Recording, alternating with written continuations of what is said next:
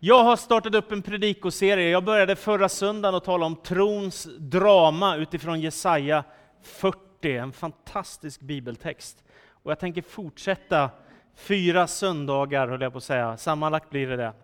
Så idag så ska jag tala om trons liv och nästa söndag kommer jag att tala om trons helighet.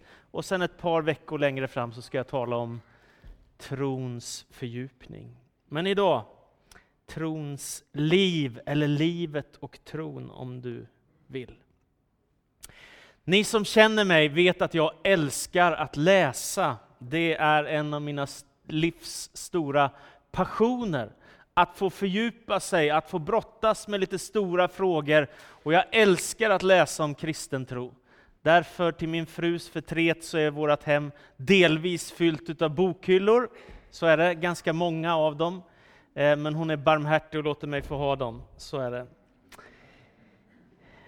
Jag läser helst av allt om kristen tro. Jag tycker om att läsa biografier också om människors liv och jag tycker om att läsa eh, historia, vad som har hänt, mänsklighetens historia. Så när jag får olika berättelser gillar jag det. Till exempel har jag läst om vikingarna i sommar och inte dansbandet ifrån Karlstad utan de som fanns för tusen år sedan ungefär. Intressant historia. Och en del annat blir det. Men framför allt älskar jag att läsa om kristen tro. Och den här veckan har jag läst en sån här fin eh, skrift som handlar om skapelsen. Och då var det en text som jag fastnade för, om du lägger upp den.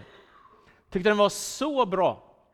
Det är bara i sömnen som vi inte ständigt står inför existensens fundamentala gåta. Ändå tycks vi ibland vara mera öppna för den i drömvärlden än i vardagslivet. Vi tar för givet att bordet, stolen, huset och kaffekoppen finns.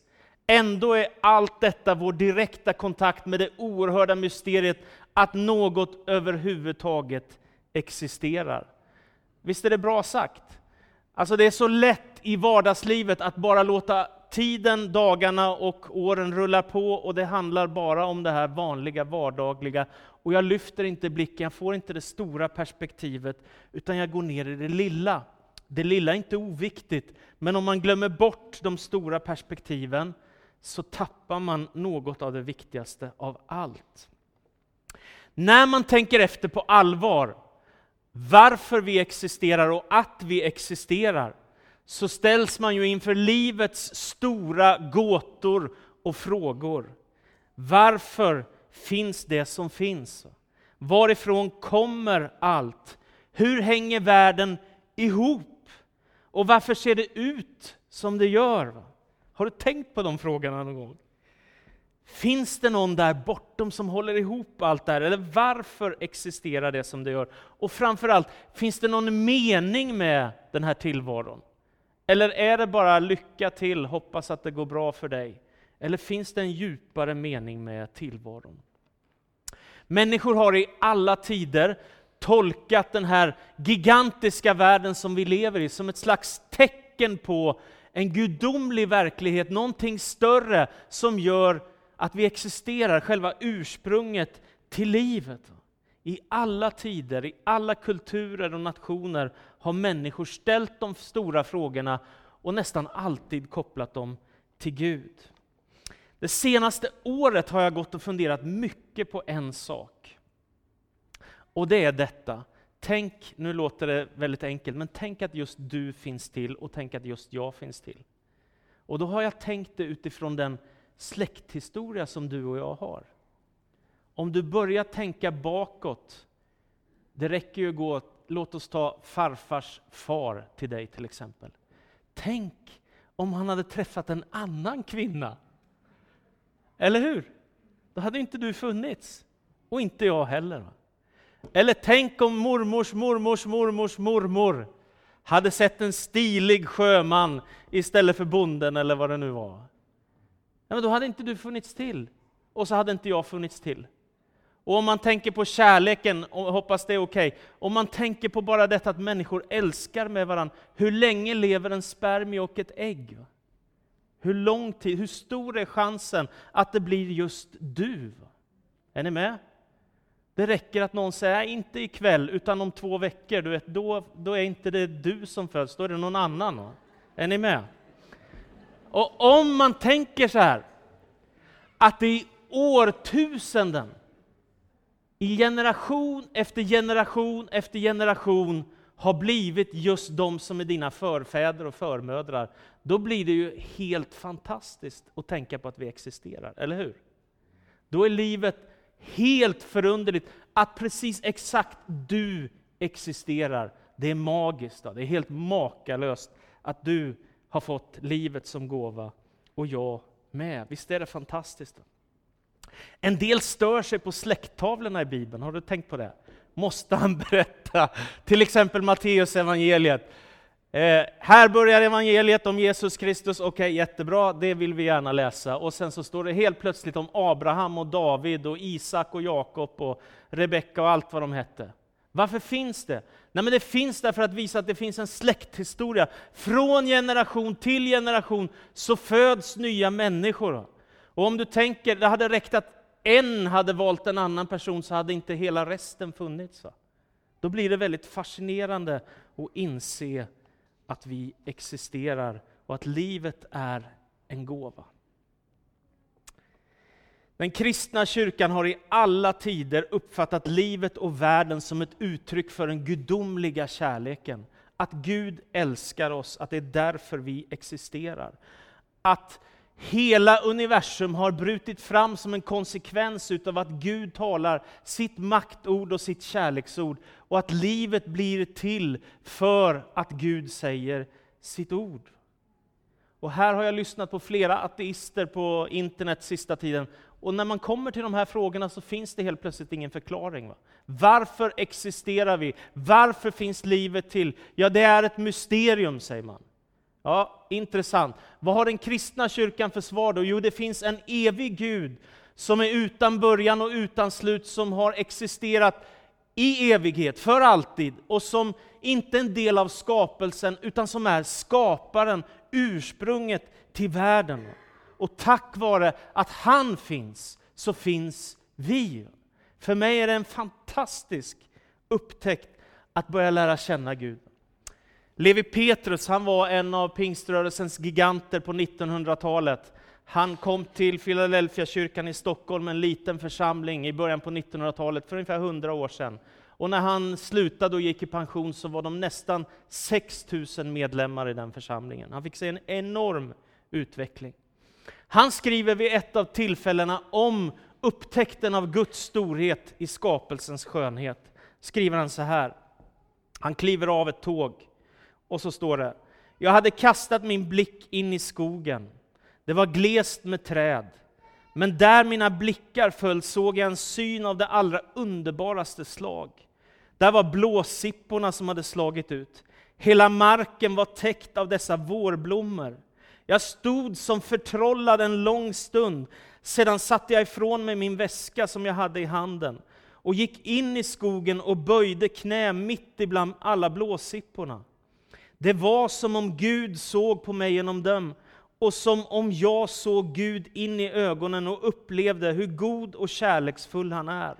Jag minns hur djupt tagen jag var av denna syn. Det dröjde länge innan denna mäktiga stämning lämnade mig. Mitt inre var öppet och jag såg Gud överallt. Visst är det vackert? Vet, om man är för upptagen av vardagslivets stress, och för upptagen av alla mindre sysslor som vi måste sköta här i livet, så att de stora frågorna aldrig dyker upp och aldrig får utrymme i vårt liv, då missar man det här. Tänk om han hade gått förbi blåsipporna och ängen och inte gått in i skogen och böjt sina knän. Jag tror att det gör skillnad att missa de där tillfällena när Gud rör vid en människas liv. Därför, öppna upp dig för Gud precis som Levi Petrus skriver. Nu tar jag med dig till en av mina älsklingstexter i Nya Testamentet, Första Johannes brev kapitel 1 och vers 1. Första Johannes brev kapitel 1 och vers 1-4. Aposteln Johannes skriver, det som var till från begynnelsen, det vi har hört, det vi har sett med egna ögon, det vi har skådat och har tagit på med våra händer. Det är vårt ärende. Livets ord. Ja, livet blev synligt och vi har, tag, vi har sett det och vi vittnar om det. Och vi förkunnar för er det eviga livet som var hos Fadern och blev synligt för oss. Det vi har sett och hört förkunnar vi för er, för att också ni ska vara med i vår gemenskap, som är en gemenskap med Fadern och hans son Jesus Kristus. Detta skriver vi för att vår glädje skall bli fullkomlig. Det här är Johannes text till de kristna, en av Jesu lärjungar. Texten inleds med en oändlig förundran och häpnad när han ska försöka sätta ord på det som är den stora verkligheten. Textens stil är typ ett jubelrop, en enorm glädjefest som han försöker skildra. Det finns så många gemenskaper som människor kan skapa och vara en del av. Men den gemenskap som Gud bjuder in oss till är en gemenskap med Gud Fader i himmelen och hans son Jesus Kristus. Det gör kyrkan till något fullständigt unikt i världen. Och det är som att Johannes inte riktigt kan sätta ner på ord. Det är som att han stakar sig när han ska försöka formulera det ofattbara som har skett. Och vad är det som Johannes försöker säga? Jo, han säger att det finns en Gud där i himmelen, i evighetens värld. Han sitter på tronen och regerar i makt och ära i evigheters evighet. Men han är dold för oss, eller hur? På grund av människans brustna gudsrelation, att han har blivit utdriven ur paradiset, så är Gud dold. Gud kan uppenbara sin närvaro för människor. Och människor kan få göra starka andliga upplevelser. Men Gud sitter på tronen i himlen och är dold för oss. Och därför så säger Johannes, nu har någonting oerhört skett. Livet har blivit synligt. Och med det menar han att Jesus Kristus har kommit till oss för att ge Gud ett ansikte i världen. Genom Jesus Kristus kan vi skåda Gud. Det är det som är poängen. Och därför säger Nya Testamentet att när Jesus blir människa och blir en av oss, då är det Gud som blir människa. Guds son kommer till jorden. Han som är evig och delar makten med Fadern och Anden. Han blir människa för vår skull. Livet blir synligt. Och därför säger Johannes, därför måste jag få vittna vittna om detta. Jag tycker det är så oerhört vackert. Jag måste få vittna om det som har skett i historien, att Jesus Kristus har kommit till oss, Guds son och världens frälsare. Det här är den största berättelsen av alla berättelser. Den högsta av alla skildringar i historien. Det finns, som jag sa förra söndagen, många alternativa berättelser. Men ingen har den stora, stora berättelsen om vad Gud har gjort i Jesus Kristus. De andra är liksom, det är jämföra elitserien och korpen. Alltså. Det är någonting alldeles unikt med Jesus från Nasaret, världens frälsare. Om man tar evangeliets ord på allvar så svindlar tanken inför den storhet som finns och uppenbaras i evangeliet. Den som ligger bakom hela världen har blivit människa, kommit till oss, trampat på denna jord. Det är ofattbart. Och jag minns att jag reagerade en, en, när en av mina mentorer, en av mina andliga fäder, skrev en bok som hette En korsfäst Gud. Jag tänkte, vad i hela världen? Du menar väl att Guds son har blivit korsfäst? Nej, en korsfäst Gud är det vi bekänner oss till. Därför att Johannes i sin inledning av evangeliet säger, i begynnelsen var ordet och ordet var Gud och ordet blev människa och gjorde sig synligt hos oss. Jesus Kristus har uppenbarat livet för oss. Därför är den kristna trons budskap liv. Vet, en del människor tänker på förbud när de tänker på kristen tro. En del människor tänker på att man måste göra sig till och bli någon slags religiös typ. En del människor har massor av fördomar, att om jag öppnar mitt liv för Gud, då kommer jag min sann få ett förminskat liv med någon som ska bestämma över mig. Och för mig, jag har sagt det så många gånger, är precis tvärtom. Utan Gud så är livet väldigt tomt. Det är väldigt kort och det är väldigt begränsat. Med Gud så finns ett helt annat perspektiv på hela ditt liv. Svante, Hector och jag satt och pratade för några veckor sedan och Svante berättade det i en predikan. Han är en av mina kollegor som är ansvarig för mission i vår församling. Och så satt vi och pratade om tron och så, så kom vi fram till just det här. Svante har redan sagt jag säger det igen. Vad är det vi predikar för någonting? Jo, vi predikar livet. Hur stavas kristen tro? Det stavas L-I-V. Och det är en gåva ifrån Gud, va? att du existerar, att du finns till. Det är bara en enda stor gåva ifrån Gud. Tänk det här, va? bara om du tar pulsen på dig själv. Kan du fixa det? Va? Att ditt hjärta slår. Hur många gånger slår det per dygn? Liksom? Det här är en enda stor tacksägelse. Tack Gud för livet som du har gett mig. Och så gäller det att göra något bra med det liv som jag har fått. I veckan läste jag också de här orden ifrån en man som heter Karl Barth. Fruktansvärt smart. Han skrev 9000 sidor om den kristna trons kärna och centrum ungefär. Så han hade lite att berätta. Och då säger han så här. är inte det här roligt? Jag tycker det är roligt. Varför finns det så många utpräglat dystra teologer som går omkring och är ständigt bekymrade, för att inte säga förbittrade ansiktsuttryck, alltid på väg mot kritiska förbehåll och negationer? Eller man kan säga kristna. Varför finns det så många kristna som håller på med allt det negativa? Som ägnar sig åt allt det som är kritiskt och som är emot och som är surt. Det var som Christer Lindberg sa en gång, en riksevangelist i Missionskyrkan, Ekumeniakyrkan heter det nu för tiden. Det är som en del kristna har blivit döpta i citron, sa han. ja, men vet, man kan fastna i allt negativt. Man kan fastna i alla problem. Man kan fastna i allt som är bekymmersamt och hur kul blir livet då?